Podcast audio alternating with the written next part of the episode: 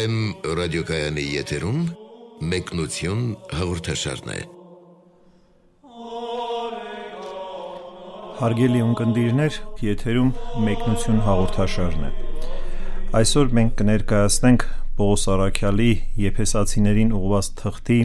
5-րդ գլուխը ըստ եկեղեցու հայրերի մեկնությունների։ Ձեզ հետ է Մեսրոպ Քահանա Արամյանը։ Ընթերցենք 5-րդ գլխի 1-ից 6-րդ համարները։ Նմանվեցեք Աստծուն, որպես սիրելի զավակներ, եւ ընթացեք սիրով, ինչպես որ Քրիստոս սիրեց մեզ,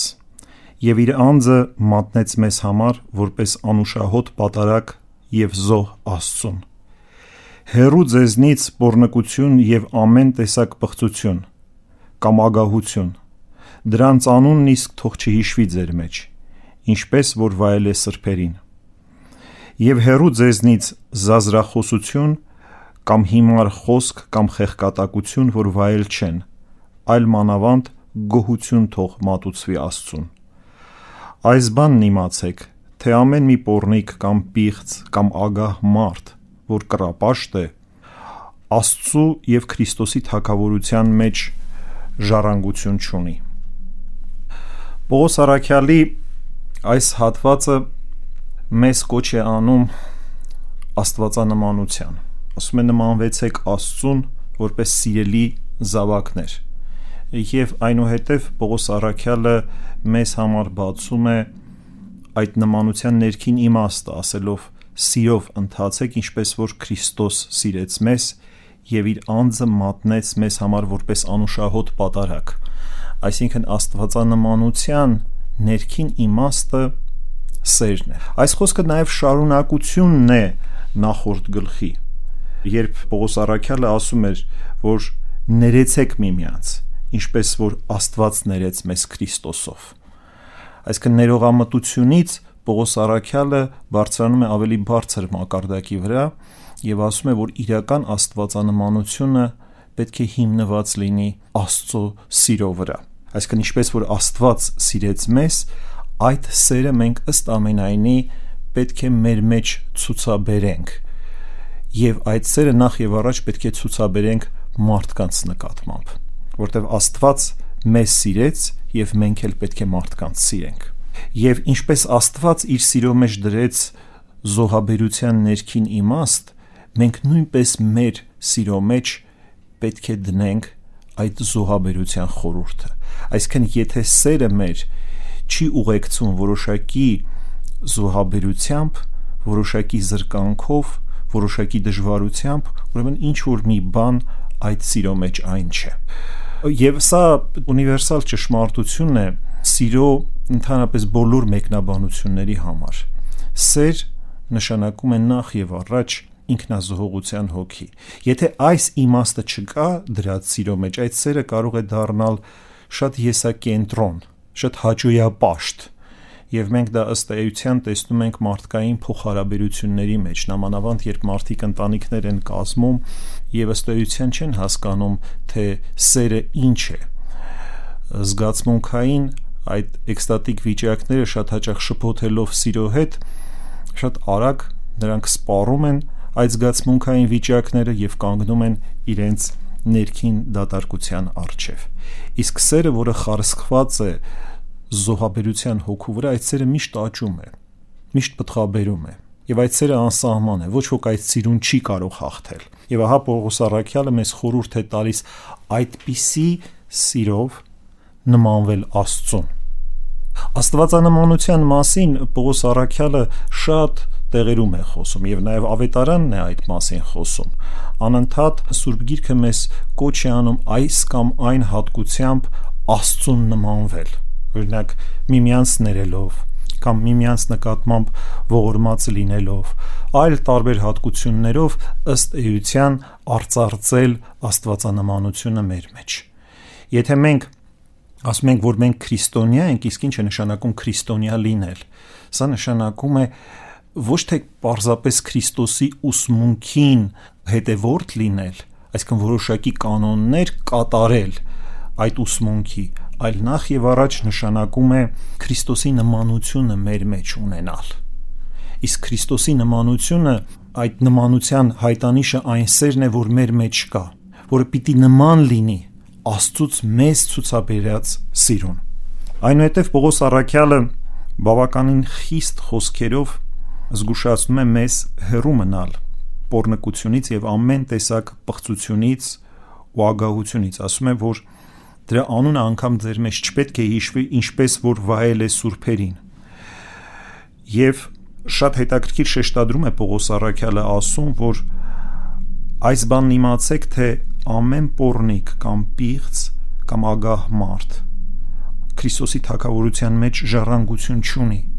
բայց տալիս է դրա ներքին բացատրությունը։ Ինչու՞։ Ինչու այսպիսի խիստ խոսքեր ասում Պողոս Արաքյալը։ Ի վերջո մարդիկ կարող են ընկնել այդ մեղքի մեջ, կարող են ապաշխարել, ինչ է Պողոս Արաքյալը հատկապես ասում, որ այսպիսի մեղքերի մեջ եղողները իրենք տեղ չունեն Աստծո արքայության մեջ։ Եթե ուշադրություն դարձնենք, թե ինչ մեղքեր է հիշատակում Պողոս Արաքյալը, այսինքն pornokությունը, ագահությունը եւ այլ տեսակի մեղքերը, կհասկանանք, որ այս մեղքերի ներքին իմաստը հաճոյասիրությունն է եւ նամանավանդ աշխարասիրությունը, աշխարասիրությունից բխող հաճոյասիրությունը եւ ինչպես ավետարանում ասված է երկու տիրոջ չեք կարող ծառայել ահա այստեղ Պողոս Արաքյալը հստակ սահման է դնում. Ասում է կամ դու ունես քո մեջ Աստծո սերը Աստվածասիրությունը կամ դու ունես այս աշխարհի սերը աշխարհասիրությունը եւ այս երկուսը իրար հետ համատեղելի չեն դու պետք է քեզ հստակ պատասխան տաս թե դու որ ժառանգությանն ես պատկանում այս աշխարհի ժառանգությանը թե Աստծո ժառանգությանը Եվ Պողոս Արաքյալը հատկապես այդ աշխարասիրությունը որակում է որպես կռապաշտություն։ Այսինքն կուրքերի պաշտամունք, հաճոյասիրությունը Պողոս Արաքյալը սահմանում է որպես կռապաշտություն։ Այսինքն բացահայտ արդեն Աստված մերժություն։ Եթե աշխարասիրություն բառը կամ մեղսասիրությունը դեռևս ենթադրում է, որ դու կարող ես պատահաբար հայտնված լինել դրա մեջ, ուստի թողում է տեղ, որ դու դարձի գաս եւ վերադառնաս առ Աստված, բայց եթե դու հայտնվել ես արդեն դրա աշտամունքի մեջ, ապա դա ըստ էության խորագույն մերժումն է աստվածային իրականության։ Անկախ նրանից դու խոսքերով ընդունում ես Աստծուն թե ոչ, հավատքի մասին ես խոսում թե ոչ, Սուրբ գրքից ես խոսում թե ոչ, եթե դու ներքնապես հաճոյապաշտ ես եւ հետեւաբար ներքնապես կրապաշտ ես, ապա աստվածային կյանքը քո մեջ տեղ չունի։ Եվ տեսնում ենք, որ Պողոս Արաքյալը հստակորեն սահմանում է Աստծո ժառանգությունը այս խոսքով եւ այս աշխարհի ժառանգությունը։ Ոստի յուրաքանչյուր ոք պետք է ներքնապես իրեն այդ հարցը տա. ինքը որ ժառանգության մեջ է։ Ինքը ինչն է սիրում եւ ինչն է դարձնում իր կյանքի հիմնական սկզբունքը։ Ընթերցենք հաջորդ հատվածը։ Սնոտի խոսքերով թող ոչ ոք ձեզ չխափի, որովհետև դրա համար է, որ գալիս է Աստծո բարկությունը անհնազանդ մարդկանց վրա։ Ուրեմն նրանց մասնակից մի եղեք, որովհետև թեպետ եւ մի ժամանակ խավար էիք, հիմա լույս եք։ Իտեր, ընթացեք ինչպես լույսով որդիներ, քանզի լույսո պտուղներն են բարությունը, արդարությունը, եւ ճշմարտությունը։ Ստուգեցեք, թե որն է հաճելի Տիրոջը եւ խավարի պտուղներին մասնակից մի եղեք, այլ մանավանդ մերկացրեք դրանք, որովհետեւ ինչ որ նրանք գործում են ծածուկ, այդ մասին խոսելն իսկ ամոթ է։ Այլ ամեն ինչ բացահայտելով լույսով է հայտնի լինում, քանզի ամեն ինչ, որ հայտնի է, լույս է։ Պողոս Սարաքյալը այս հատվածում մեզ կոչ է անում հեռանալ մեղքի խավարից հեռանալ եւ դառնալ լույսով որդիներ լույսի մեջ քայլել այն ճշմարտության լույսի որ Քրիստոս իր հետ բերեց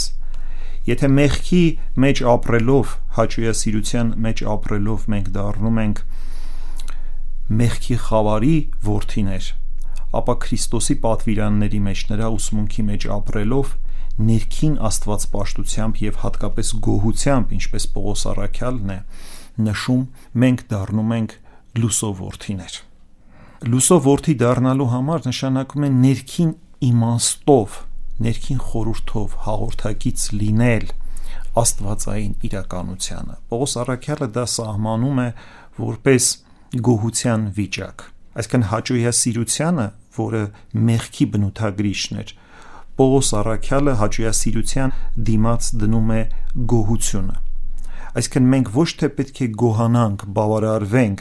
կամ հաճույք ստանանք մեղք գործելուց, այլ ընդհակառակը մենք պետք է գոհանանք եւ հաճույք ստանանք Աստծո հետ փոխհարաբերությունից, Աստծո տված բարիքներից, Աստծո տված պտուղներից։ Եվ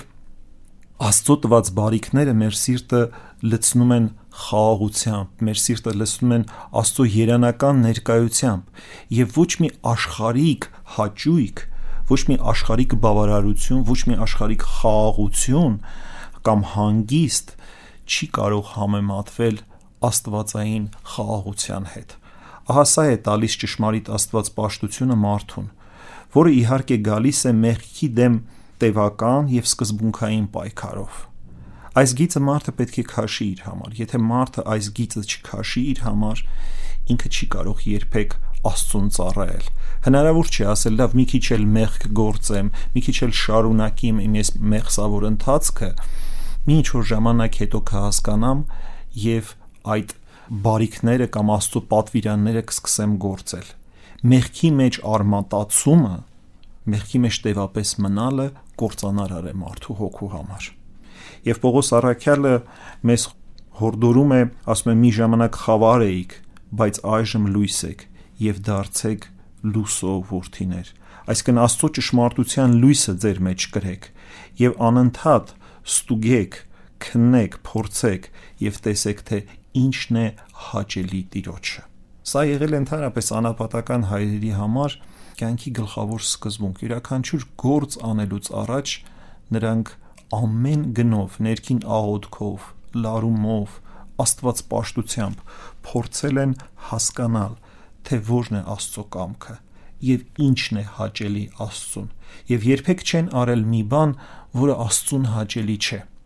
նամանավանդ մեղ գործելու ուղությամբ ետ նրանք որևէ քայլ չեն արել եւ եթե հայտնվել են երբեմն երբեմն մեղքի տարբեր վիճակներում ապա դա եղել է տևական փորձությունների եւ ծանր պայքարի հետևանք կամ Աստված դրանով խոնարեցրել է նրանց բայց երբեք նրանք մտադրված չեն եղել մեղք գործելու այլ ամեն գնով փորձել են հասկանալ թե որն է Աստծո կամքը եւ ինչպես ներքնապես քո սրտում քո սրտի խորքում հաճելի լինես Աստծուն Ընթերցենք հաջորդ հատվածը դրա համար էլ ասում է. «Վեր կաց դու, որ ննջում ես, կանգնիր մեռելների միջից եւ Քրիստոս պիտի լուսավորի քեզ»։ Տեսեք, թե ինչպիսի զգուշությամբ պետք է ընթանաք, ոչ թե ինչպես անմիտներ, այլ ինչպես իմաստուններ։ Ժամանակն օգտագործեցեք, քանզի օրերը չար են։ Դրա համար անմիտ մի եղեք, այլ իմացեք, թե ինչ է Տիրոջ կամքը, եւ մի հարբեք գինով, դրա մեջ զեխություն կա։ Այլ մանավանդ լցվեք հոգով, որպեսի խոսեք միմյանց հետ սաղմոսներով, օրհներգություններով եւ հոգեվոր երգերով, որպեսի երգեք ձեր սրտերում, սաղմոս ասեք Տիրոջը, գոհություն հայտնեցեք ամեն ժամ, ամեն ինչի համար, Հորը եւ Աստծուն մեր Տեր Հիսուս Քրիստոսի անունով։ Պողոս Արաքյալը այստեղ վկայակոչում է մի խոսք՝ «Վերկաց դու, որ ննջում ես, կանգնիր մեռելների միջից եւ Քրիստոս պիտի լուսավորի քեզ»։ Այս արտահայտությունը շատերը փորձել են մեկնաբանության ենթարկել, որովհետև Սուրբ գրքում այսպիսի հատված չկա, թե որտեղից է Պողոս Արաքյալը սա մեջբերում։ Ոմանք սա կապել են երկրորդականոն կամ պարականոն գրականության հետ կամ այլ աղբյուրների հետ, եւ նաեւ ներշնչանքով ասած խոսք են դիտել Պողոս Արաքյալի կողմից ոմանք էլ նույնիսկ փորձել են մեկնաբանել որ Պողոս Արաքյալը աղավաղված կերպով է հիշատակում Սուրբ Գիրքը բայց թերևս առավել հավանական է որ սա այն ժամանակվա եկեղեցում կամ աշտամունքի ժամանակ գործածվող օրհներգություններից կամ երգերից մի հատված է, որը վկայակոչում է Պողոս Արաքյալը, որովհետև այնուհետև նա անընդհատ խոսում է նրա մասին, որ պետք է անընդհատ սաղմոսներով, օրհներգություններով եւ հոգեվոր երգերով մենք գոհանանք Տիրոջից, սաղմոս ասենք Տիրոջը եւ հետեւաբար առավել տրամաբանական է, որ սա կապենք դրա հետ, այսինքն այն ժամանակ եկեղեցում գործածվող որոշակի բնագրերի հետ երկերի հետ նամանավանդ որ Պողոս Արաքյալը այս խոսքը բերում է խիստ որոշակի կոնտեքստի մեջ ասում է վեր կաց դու որ ննջում ես կանգնիր մեռելների միջից եւ Քրիստոս պետք է լուսավորի քեզ։ Սա կապվում է նախորդ խոսքի հետ, որ ասում է՝ մի ժամանակ խավար էիք եւ հիմա լույս եք, թոթափվեք այդ խավարից, դեն նետեք այդ խավարը եւ գնացեք որպես լուսովորթիներ։ Եվ ննջած վիճակը այսինքն դու որ ննջում ես, կանգնիր մեռելների միջից։ Եկեղեցու հայրերը բնութագրում են որպես մեղքի քունը, մեղքի մեռելությունը եւ ասում է վեր կաց այդ մեղքի մեռելությունից եւ Քրիստոս անպայման պիտի լուսավորի քեզ երբ տեսնի որ դու վճռականապես հրաժարվել ես մեղքի ժառանգությունից Պողոս Արաքյալը մեզ ուսուցանում է չլինել անմիտներ, այլ լինել իմաստուն։ Շատ կարևոր է քրիստոնեական ճանապարով ընթանալիս իմաստություն ձեռք բերել Իսկ իմաստությունը ինչ է, եթե ոչ այն, որ մենք գնահատում ենք Աստծուց տրված մեր կյանքը եւ հասկանում ենք, որ նույն բանը երկրորդ անգամ կրկնել հնարավոր չի։ Նույնիսկ միևնույն մեղքը երկրորդ անգամ արդեն դա նույն մեղքը չէ։ Եթե դու գիտեիր այդ մեղքի մասին եւ երկրորդ անգամ ես գործում, եւ նամանավանդ ապաշխարել էիր եւ նորից ես գործում այդ մեղքի համար, այդ մեղքի ծանրությունը ավելի մեծ է։ Ահա իմաստությունը սա է, որ զգուշությամբ վարենք մեր կյանքը եւ չհամարենք, որ այն խաղ է եւ կարող ենք անverջ այդ խաղը խաղալ։ Աստված կյանքը մեզ տվել է, որպեսզի մենք այդ կյանքում հասնենք խիստ որոշակի կարևոր ճշմարտությունների, վեհագույն նպատակների, եւ այդ կյանքը մենք չպետք է ծախսենք անիմաստությունների վրա հաճույասիրության վրա, դատարկության վրա եւ այնուհետեւ այդ դատարկությունը ժառանգենք հավիտենական կյանքում։ Ոստի մենք պետք է իմաստուն լինենք։ Իսկ կատարյալ իմաստությունը ասում է, որ մենք պետք է հասկանանք, որ կյանքը ունի հեղինակ եւ կյանքը ունի Տեր եւ այդ կյանքը մենք այդ Տիրոջը պետք է ծառայեցնենք։ Պողոս Արաքյալը նաև այստեղ խոսում է ժամանակի մասին ասում է ժամանակը օգտագործեցեք, քանի որ օրերը չար են։ Դրա համար անմիտ մի եղեք այլ իմացեք, թե ինչ է Տիրոջ կամքը։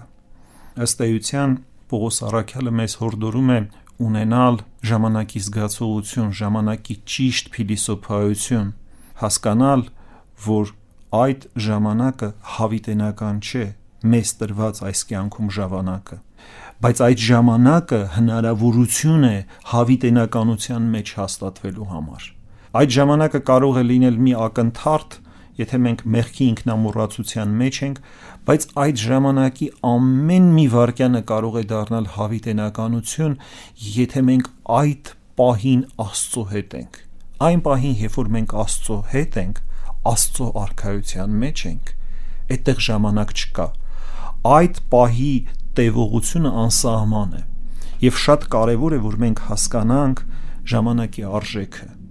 Սա մեծագույն իմաստություն է եւ այդ ժամանակը ճիշտ գործածենք։ Այս մասին խոսում են ոչ միայն քրիստոնյաները, այս մասին խոսում են բոլոր ուսմունքները։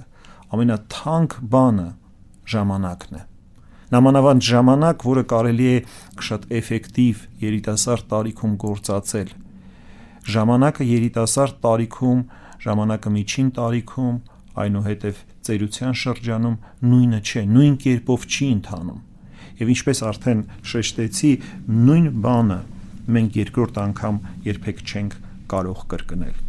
Պողոս Արաքյալը ասում է, որ մի հարփեք գինով դրա մեջ զեղություն կա, այլ մանավանդ լծվեք հոգով։ Ընդհանրապես պետք է ասել, որ եկեղեցին իր հիմնադրումից ի վեր խիստ եւ հետեւողական պայքար է ծավալել տարբեր տեսակի մահացու մեղքերի դեմ։ Եվ այդ մահացու մեղքերից մեկը մենք սահմանում ենք որպես որգրամոլություն։ Ուրեմն արփեցությունը ինքը որգրամոլության անբաժանելի մասն է եւ նույնիսկ կարելի ասել դրա շատ չարորակ մասն է, որովհետեւ արփեցությունը բերում է շատ ծանր հետևանքների, անչափ որգրամոլության է բերում եւ իհարկե մարդու հոգու եւ մտավոր կարողությունների վրա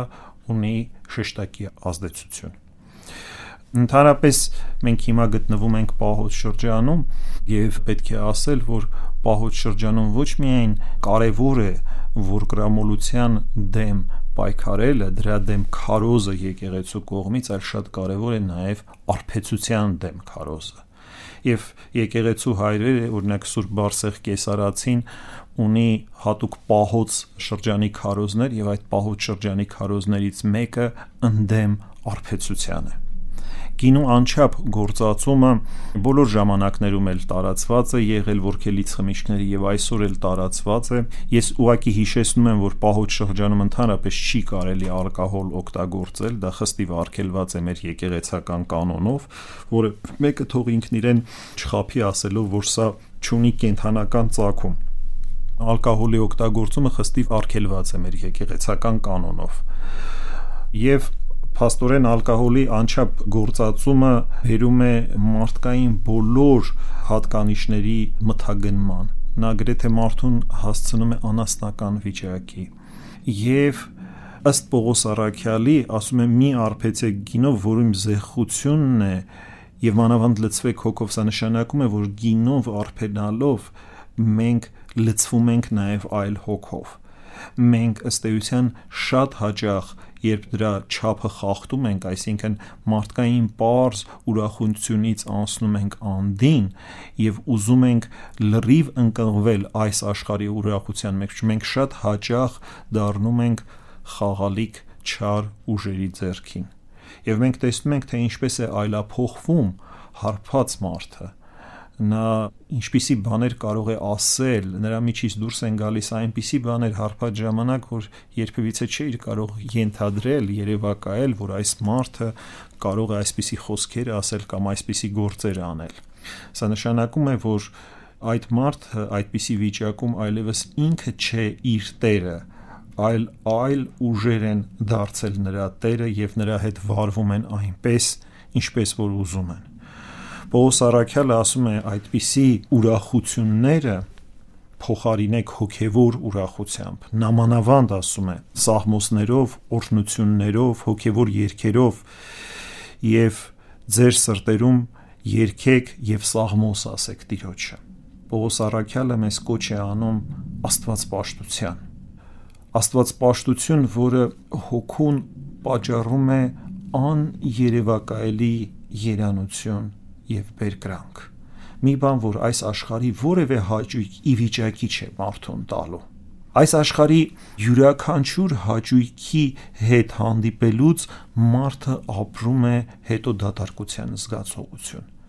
բայց այդպեսին չէ Աստված պաշտությունը։ Աստված պաշտություն ունեցող մարդը իրեն երբեք դատարկ զգալ չի կարող։ Այն միշտ լցված է Աստծո Սուրբ Հոգով։ Եվ նորից Պողոս Արաքյալը շեշտադրում է գոհություն հայտնել ամենայն ժամ այսինքն հարաժամ գոհանալ ամեն ինչի համար գոհանալ հայր աստծուց մեր Տեր Հիսուս Քրիստոսի անունով Պողոս Արաքյալը մեզ ուսուցանում է որ աղոթքի վիճակը ներքին աստված պաշտության վիճակը պետք է լինի հարատև հարաժամ պետք է լինի եւ այն պետք է ուղեկցվի գոհաբանությամբ։ Մենք տեսնում ենք, որ այս թղթում Պողոս Արաքյալը մի քանի անգամ շեշտադրում է անում գոհության վրա եւ պետք է ասել, որ դա քրիստոնեական կյանքի ամենաբնորոշ գծերից մեկն է։ Քրիստոնյան գոհ մարդ է։ Քրիստոնյան Աստծո ուրախությամբ լցված մարդ է շատերը սխալվում են մտածելով, որ քրիստոնյան զուտ ապաշխարության եւ իր մեղքերը հիշելու վիճակների մեջ է եւ դա ըստ էության դեպրեսիվ մի վիճակ է, որի մեջ մշտապես ապրում է քրիստոնյան։ Այդպես չէ։ Անկամ երբ մենք խոսում ենք ապաշխարության մասին, մենք Պետք է հիշենք, որ եկեղեցու հայրերը այդ ապաշխարության վիճակը բնորոշում են որպես ուրախարար վիճակ, ասում են ուրախարար սուք։ Այսինքն սա այս աշխարհի սուքը չէ, այս աշխարհի վհատությունը չէ, այս աշխարհի դեպրեսիան չէ, որ մարդուն տանում է կործանման ընդհակառակը սրա մեջ կա մի մեծ ներքին ուրախություն, որտեվ սա մարդուն տանում է ներքին ազատագրման ճանապարհով։ Մարդը հետս հետե թոթափվում է այն բոլոր մեղքի կապանքներից, որ ինքը կուտակել էր իր ամբողջ կյանքի ընթացքում։ Հետևաբար սա ոչ մի բան չունի այս աշխարհի տխրության կամ վհատության հետ։ Եվ շատ կարևոր է այս սկզբունքը, որ մենք ամրագրենք մեր մեջ, որ քրիստոնյա լինել նշանակում է մշտապես գոհ լինել, մշտապես աղոթքով լինել առ Աստված, մշտապես փառք տալ Աստծուն, փառաբանել, որ ինքը տվել է այս կյանքը մեզ եւ տվել է մեզ հավատք եւ տվել է մեզ Աստծուն ճանաչելու հնարավորություն։ Ընթերցենք 21-ից 33-րդ համարները։ Հնազանդվեցեք միմյանց Քրիստոսի երկյուղով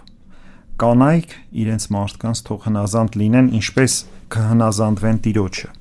որովհետև մարդն է գլուխը կնոջ, ինչպես որ Քրիստոս գլուխն է եկեղեցու եւ ինքն է փրկիչը այդ մարմնի։ Եվ ինչպես եկեղեցին է հնազանդվում Քրիստոսին, նույնպես եւ կանայք թող հնազանդվեն իրենց մարդկանց ամեն ինչում։ Մարդիկ, սիրեցեք ձեր կանանց, ինչպես որ Քրիստոս սիրեց եկեղեցին եւ իր անձը մատնեց նրա համար, որ սրբացնի ավազանի մաքրությամբ, խոսքով,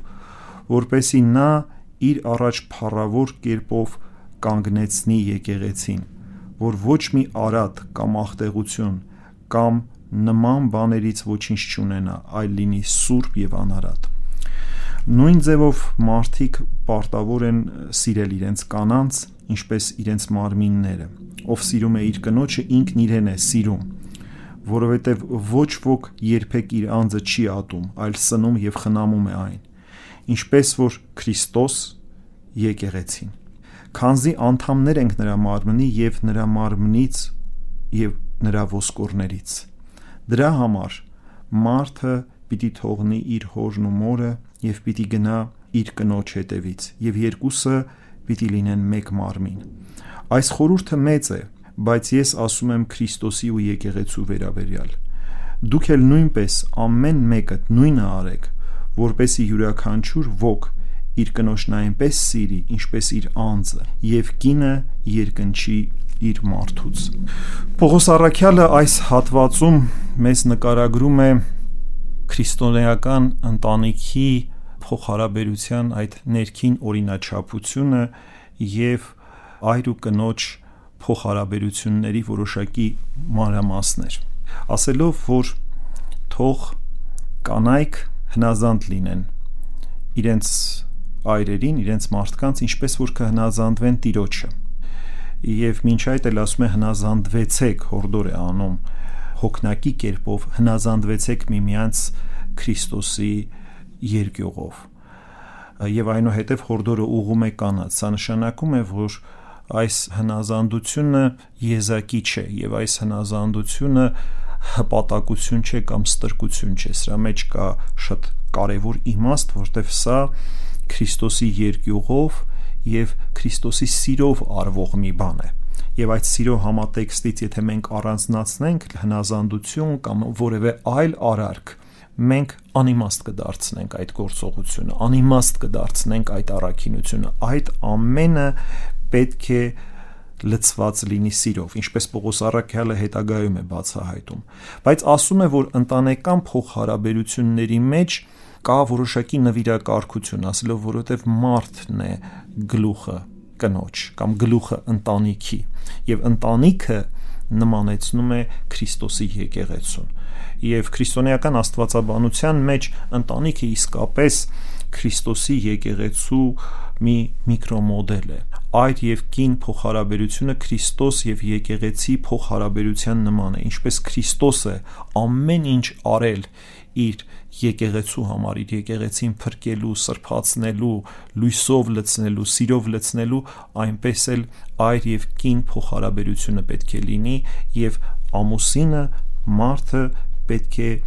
լիակատար նվիրում ունենա իր կնոջը եւ այս պատճառով էլ Պողոս Արաքյալը հենց հորդորում է ասում է մարդիկ սիրեցեք ձեր կանանց ինչպես որ Քրիստոս սիրեց եկեղեցին եւ իր անձը մատնեց նրա համար, այսինքն գնաց այդ աներևակայելի զոհաբերության։ Այսինքն մարդը լինելով քրիստոնեական ընտանիքի այդ պատկերացման մեջ գլուխը կնոջ կամ գլուխը ընտանիքի, որտեվ կինը այստեղ պարզապես անձ չի ներկայացնում, այլ ընտանիքի մայրն է, ընտանիքն է ներկայացնում։ Տղամարդը գլուխն է, իսկ կինը մարմինն է ընտանիքի։ Ուրեմն ասում է, որ ինչպես Քրիստոս սիրեց եւ այդ զոհաբերությունը մատուցեց նույն հոգով դուք պետք է վերաբերվեք ձեր կանանց այսինքն եթե սեր չունենաք նրանց համար նրանց կողմից իրագործվող այդ հնազանդությունը դա ընդհանրապես կլինի պարտադրանք ընդհանրապես կլինի մի անիմաստ բան եւ դրանով երբեք ընտանիք չի կառուցվի ուրեմն ասում է սիրեք նրանց ինչպես որ Քրիստոս սիրեց եւ նաեւ իր անձը մատնեց նրա համար այս եկեղեցու համար հորդորելով տղամարդկանց որպեսի նրանք ունենան այդ զոհաբերության հոգին այդ զոհաբերության կենտրոնը պետք է գա տղամարդուց որպես գլուխ որպես ընտանեկան նվիրապետության առաջնորդ նա պետք է լի լինի այդ զոհաբերության հոգով որպեսի դրանով արձագանքի կնոջ հնազանդությանը եւ երկու կողմից պահանջվում է մեծագույն սեր այս առաքինությունները իրականացնելու համար շատերը այս նվիրապետություն, նվիրակարգություն, գլուխ, առաջնորդ հասկացությունները դիտում են այսպես բարձր ու ցածր փոխհարաբերության մեջ քրիստոնեական ընտանիքի պատկերացման մեջ չկա բարձրություն եւ ցածրություն։ Թափես սիրո մեջ չի կարող որևէ մեկը բարձր կամ ցածր լինել։ Տերը ինքը իր առաքյալների ոտքերը լվաց եւ ինքը ասաց ով ուզում է լինել առաջինը, թող նա լինի վերջինը եւ ինքը Տերը ինչե վերջ խոնարհվեց մեզ համար, ցույց տալով թե ինչ է նշանակում Տեր լինել եւ ինչ է նշանակում առաջնորդ ու ուսուցիչ լինել։ Դա նախ եւ առաջ նշանակում է կատարելապես խոնարվել նրանց առաջ, ում դու կամենում ես առաջնորդել, ում դու կամենում ես փրկել։ Հետևաբար այդ նույն պարտականությունը դրված է ամուսինների մեջ։ Եթե նրանց այդ տիրության մեջ, նրանց այդ նվիրակարգության մեջ չլինի սեր եւ այդ սիրոց բխող քրիստոսանման խոնարհություն նրանք երբեք չեն կարողանա ընտանիքի այդ առաքելությունը, այդ կարևորագույն խորուրդը իրականացնել։ Ընտանիքը դա Քրիստոսի եկեղեցու պատկերն է եւ ինչպես որ Քրիստոսն է ամեն բան անում եկեղեցու սրբության համար, այնպես էլ մարդիկ ամեն բան պետք է անեն իրենց ընտանիքների սրբության համար իրենց կանանց սրբության համար, նրանց մաքրության համար։ Եվ սա նշանակում է նաև, որ մենք որևէ պիղծ բան չպետք է ներմուծենք մեր ընտանեկան կյանքի մեջ, համարելով, որ սա իսկապես Աստծուց մեզ տրված մի յուրահատուկ պարգև եւ սրբություն է, որի վրա մենք նաև կառուցում ենք մեր անհատական սրբությունը ընտանիքի մեջ պետք է զգուշ լինել, որպեսի այս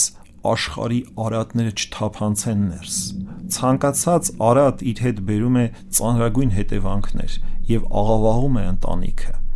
եւ առավել մի չար բան է կատարում, որ այդ ընտանիքի մեջ ներդնում է մեղքի ժառանգությունը։ Այ ինչպես սրբությունը կարելի է ժառանգություն ունենալ, այնպես էլ մեղքը։ Մենք մեր երեխաներին կարող ենք թողնել սրբության ժառանգություն, եթե ըստ էության այդ սրբության գեներացիան կա բայց նաև կարող ենք թողնել շատ լուրջ մեղքի ժառանգություն եւ մեր երեխաները ինչ որ առումով վնասված կլինեն մեր իսկ մեղքերով, մեր իսկ մեղքի կյանքով։ Եվ պետք չէ մտածել ինչ է, մի վատ խոսք ասելը ինչ է, մի հայոյանք ասելը ինչ է, կամ երեխաների արչև խմելը ինչ է, երեխաների արչև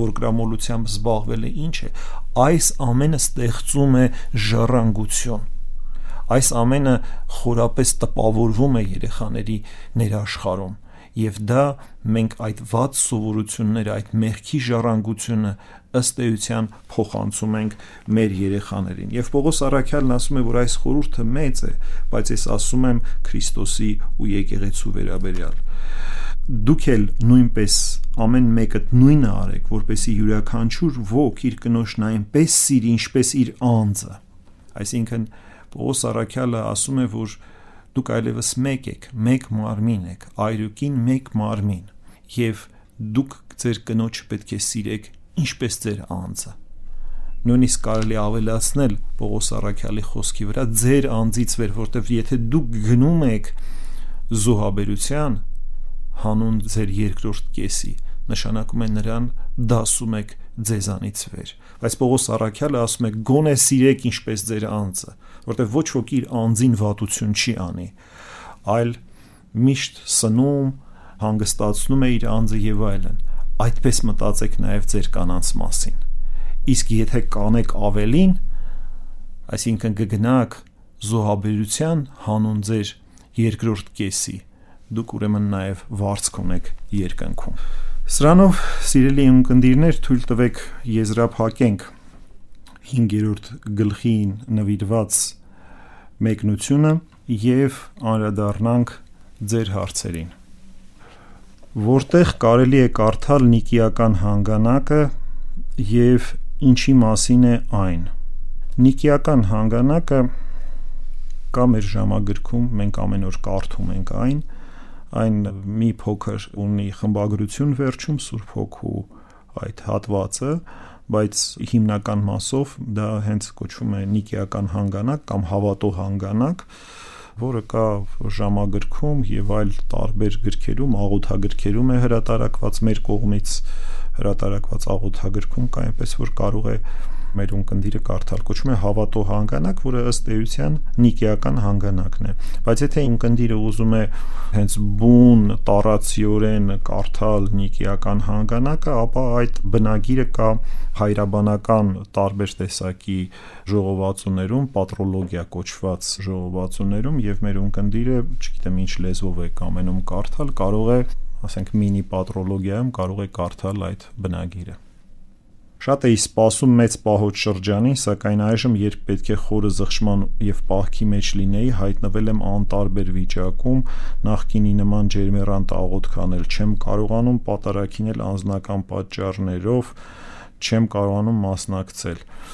ինչ խորհուրդ կտակ լավ չէ որ պահքի ընթացքում մեր ունկնդիրը հայտնվել է այսպիսի վիճակում պետք է ասել որ մենք պետք է հիշենք որ պահքի ժամանակ երբ մենք ձգտում ենք մաքրության, սրբության, նաև մեծանում է ճարի փորձությունը եւ պետք է զգուշ լինել, որ այդ փորձություններին մենք խաղալիք չդառնանք։ Եվ այդ փորձության գլխավոր թիրախը ուղղված է մեր աստվածպաշտության դեմ, որպեսի ճարը վհատեցնի մեզ։ Եվ մենք չկարողանանք պահքի այդ ժամանակաշրջանը արդյունավետ իրագործել։ Ես խորհուրդ եմ տալիս մեր ունկնդրին ֆորմալ ձևով չմոտենալ պահքին եւ ոչ էլ Աստված պաշտությանը եւ ոչ էլ Սուրբ գրքին այլ գտնել եւ հայտնաբերել իր համար այն ամենը իր աղոթքներից Սուրբ գրքի ընթերցումներից որոնք ջերմություն են պատճառում իր հոգուն եւ փորձել հատկապես այդ աղոթքներով, այդ ընթերցումներով ոտքի կանգնել։ Անպայման խորհուրդ եմ տալիս մեր ունկնդրին գնալ եկեղեցի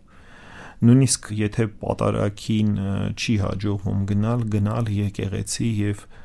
այնտեղ ուղակի նստել, ուղակի զգալ Աստծո ներկայությունը, աղոթել եւ միառժամանակ եկեղեցում անցկасնել։ Խորհուրդ եմ տալիս, որ նա այս մասին նաեւ մոտենա եւ խնդրի հոգեվորականներից աղոթք, որպեսի տևապես չլինի փորձության մեջ աղոթելիս Աստծուց որևէ բան խնդրելը իմ կարծիքով անիմաստ է, որովհետև Աստված մարդուն տալիս է այն, ինչ անհրաժեշտ է համարում։ Կան հիվանդություններ, որոնք անբուժել են։ Արդյոք միտք ունի աղոթք անել այս դեպքում։ Աղոթք անել միշտ պետք է եւ չկա որևէ անիմաստ աղոթք։ Իհարկե, մեզ Սուրբ Գիրքը ուսուցանում է, որ աղոթքով կամ հոգևոր որոշակի գործով նախ մենք Աստծո արքայությունը պիտի փնտրենք եւ նշանակում է Աստծո կամքին պետք է հաղորդակից լինենք եւ հասկանանք թե որն է մեզ համար բարին եւ ճշմարիտը որովհետեւ շատ հաճախ երբ մենք բժշկություն ենք ուզում կամ անմիջականորեն ինչ որ ցավի ամոքում ենք ուզում մենք դրան պատրաստ չենք շատ հաճախ մարդ միայն դա է ուզում եւ հենց որ դա ստանում է դրանով իսկ բավարարվում է Շատ հաճախ մենք շնորներ ենք խնդրում Աստծուն, բայց այդ շնորները կրելու նույնպես ի վիճակի չենք։ Դրա համար Աստված չի տալիս։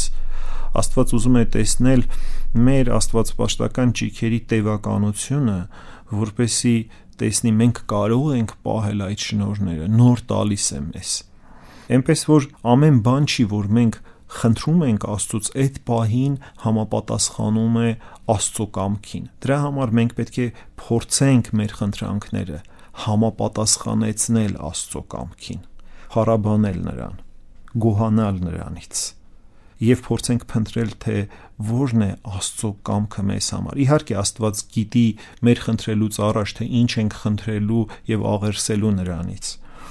Եվ Աստված տալիս է ավելին, քան մենք կարող ենք աղերսել կամ կարող ենք պատկերացնել երբեմն նույնիսկ խոսքերը այն ամենը ինչ որ որ մենք ասում ենք դրանք այդքան կարևոր չեն այլ որքան դրանց յետևում դրված սերը Աստծո նկատմամբ գողությունը Աստծո նկատմամբ ուրախությունը Աստծո տրված կյանքով, Աստծո տրված Աստված պաշտությամբ։ Էնպես որ այստեղ բարերը չեն կարևորը, այլ մեր կամքի, եթե կարելի է այսպես ասել, աղոթքով մեր կամքի ներդաշնակեցումը Աստծո կամքի հետ։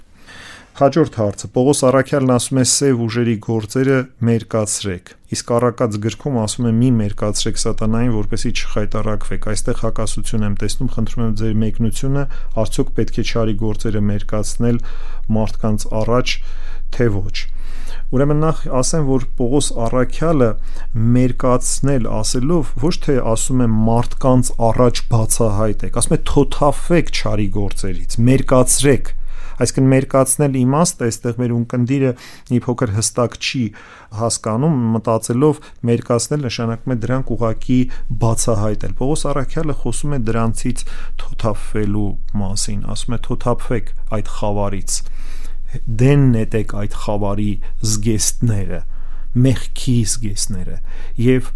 հակեք լուսոս գեսները, լուսավորվեցեք Քրիստոսով։ Սրա մասին է ասում Պողոս Արաքյալը։ Իսկ ինչ վերաբերում է առակած գրքի այդ թղթի եւ այս հատվածի ուրեմն առնչակցությանը, պետք է ասել, որ նրանք ըստ էության խոսում են տարբեր բաների մասին եւ ապագայում պատրաստ ենք, եթե հարմար առիթ լինի կամ միգուցե հոգեվոր զրույցներով անդրադառնալ առակած գրքի այդ հատվածին, թե ինչու է այդպես ասված որ մի մերկացրեք սատանային, որտեվ դա կարող է հակադարձ ձերվով ձեզ հարվածել այսինքն դրանով դուք կարող եք դեմ առ դեմ կանգնել ճարիքին հաջորդ հարցը. Հաճախ քրիստոնյաները իրենց համեստ եւ համբերատար են պահում հասարակության մեջ, սակայն դրա իսկ պատճառով նրանց վրա հարցակվում են ճնշում եւ վիրավորում են։ Ինչպես պետք է պահի իրեն քրիստոնյան, որպեսզի այդ հարցակումներից խուսափի եւ չընկնի գայթակղության մեջ։ Ճիշտն ասած, ես չեմ պատկերացնում, որ որևէ մարդ, որը իրեն համեստ, բայց միևնույն ժամանակ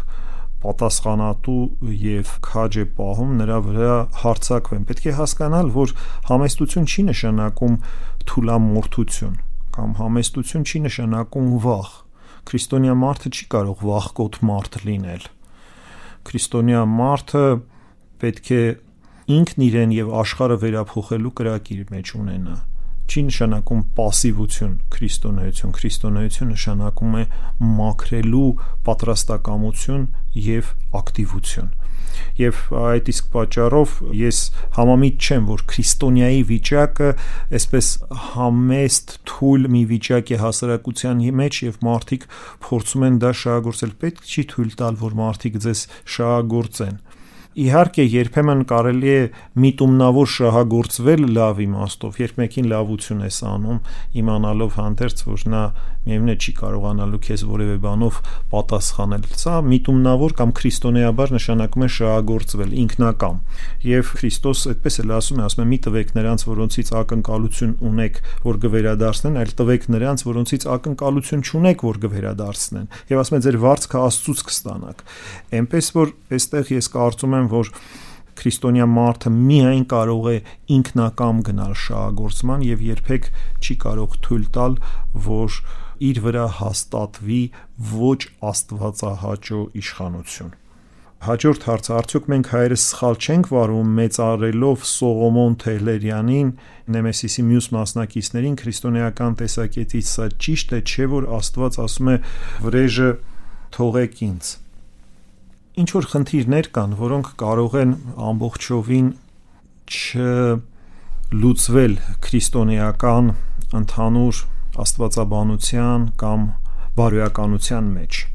Բայց դա չի նշանակում, որ այդպիսի բաներ կյանքում տեղ չունեն։ Երբ մենք խոսում ենք ազգայինի եւ հոգեվորի փոխհարաբերության մասին, մենք պետք է հասկանանք, որ ամեն ինչը չէ, որը որ մենք անվանում ենք ազգային, նա կարող է ամբողջությամբ քրիստոնեական լինել այն կարող է մոտ լինել, այն կարող է հեռու լինել, այն կարող է սինխրոնացված լինել քրիստոնեության հետ, կարող է չլինել, բայց նաև մենք պետք է հասկանանք, որ մենք ոչ միայն քրիստոնյաներ ենք, նաև այս ազգի զավակներ ենք, ոչ միայն քրիստոնեական օրենքներով ենք ապրում, այլ նաև գտնվում ենք որոշակի մեր ազգային օրինաչափությունների մեջ։ Մենք ունենք նաև ազգային խնդիրներ։ Եվ այս ազգային խնդիրները իհարկե մենք պետք է կարողանանք հնարավորինս քրիստոնեական ճանապարհով լուծել, բայց երբեմն այդ ազգային խնդիրների համար մարդը ստիպված է լինում զենք բարձրացնել եւ իր պես Աստծո պատկերով եւ նմանությամբ ստեղծված դիմացինին կյանքից զրկել եւ դա պատահում է եւ եկեղեցու հայրերը ասում են որ պատերազմի ժամանակ կատարված այդ սպանությունը ինքը սպանություն չէ, այլ արդարություն է, որովհետև դու կամովի նրա ունեցվածքը հապշտակելու նպատակով չէ, որ կատարեցիր այդ սպանությունը։ Ինչ որ մի բան ձեռք գցելու շահադիտական նպատակով չէ, այլ քո սրբությունները պաշտպանելու համար է, որ դու արեցիր։ Էնպես որ բոլորն էլ ունեն այս օրենքները, աստվածային օրենքները, որոնք բացարձակ են Բայց մենք տեսնում ենք, որ որոշակի ազգային խնդիրներում մարդիկ գնում են կոմպրոմիսների։ Հрьяաներն էլ ունեն այդ մի սպանիրը, այդ բոլոր բաները, բայց մենք տեսնում ենք, թե նրանք ինչպես են պայքարում իրենց ազգային խնդիրների համար։ Մի կարծեք, որ ասենք այլ կրոններում հորդորվում եւ քարոզվում է սպանություն բայց մենք տեսնում ենք, թե նրանք ինչքան բծախնդիր են իրենց հոգևոր եւ ազգային սկզբունքների համար։ Էնպես որ մենք նույնպես ունենք պարտականությունը աչալուրջ լինել նաեւ մեր ազգային սրբությունները պահպանելու տեսանկյունից մեր երկիրը պաշտպանելու տեսանկյունից։ Հիմա վերցրեք սահմանների པարս պաշտպանությունը։ Եթե դիմացին անընդհատ քեզ գնդակոծում է եւ դու պատասխան չես տալիս, նա անպայման հարցակվելու ցանկություն կունենա քո վրա Եթե նա դիվերսիոն գործողություններ է կատարում եւ դու համապատասխան գործողություններով չես պայքարում նրա դեմ, համապատասխան համարժեք գործողություն չես անում, նա ավելին անելու ցանկություն կունենա։ Սա པարս պատերազմական սկզբունք է եւ Սողոմոն Թելերյանի այդ գործունեությունը պետք է դիտել հենց այդ համատեքստում։ Հայ ազգին հայտարարվել է մի պատերազմ կատարյալ ոչնչացման պատերազմ այսինքն որի արդյունքը պետք է լիներ հայ ժողովրդի կատարյալ ոչնչացումը եւ հայ ժողովուրդը ստիպված է եղել որևէ ձևով պատասխանել դրան այսինքն դա եղել է ես նույնիսկ կարող եմ ասել մի պատասխան բայց այդ պատասխանը երբեք չի կարող բավարարել եւ համարժեք լինել նրան ինչ որ արել են մեր ազգի նկատմամբ Սիրելի ունկնդիրներ, սրանով թույլ տվեք եզրափակել այս հաղորդումը հիշեցնում եմ ձեզ, որ դուք այս հաղորդման կրկնությունը կարող եք լսել այսօր երեկոյան ժամը 21-ին, ինչպես նաև Կիրակի օրը առավոտյան ժամը 10-ին եւ երեկոյան 21-ին, նաև Vem ռադիոկայանի ինտերնետային կայքով www.vem.am Աստված ընդ ձեզ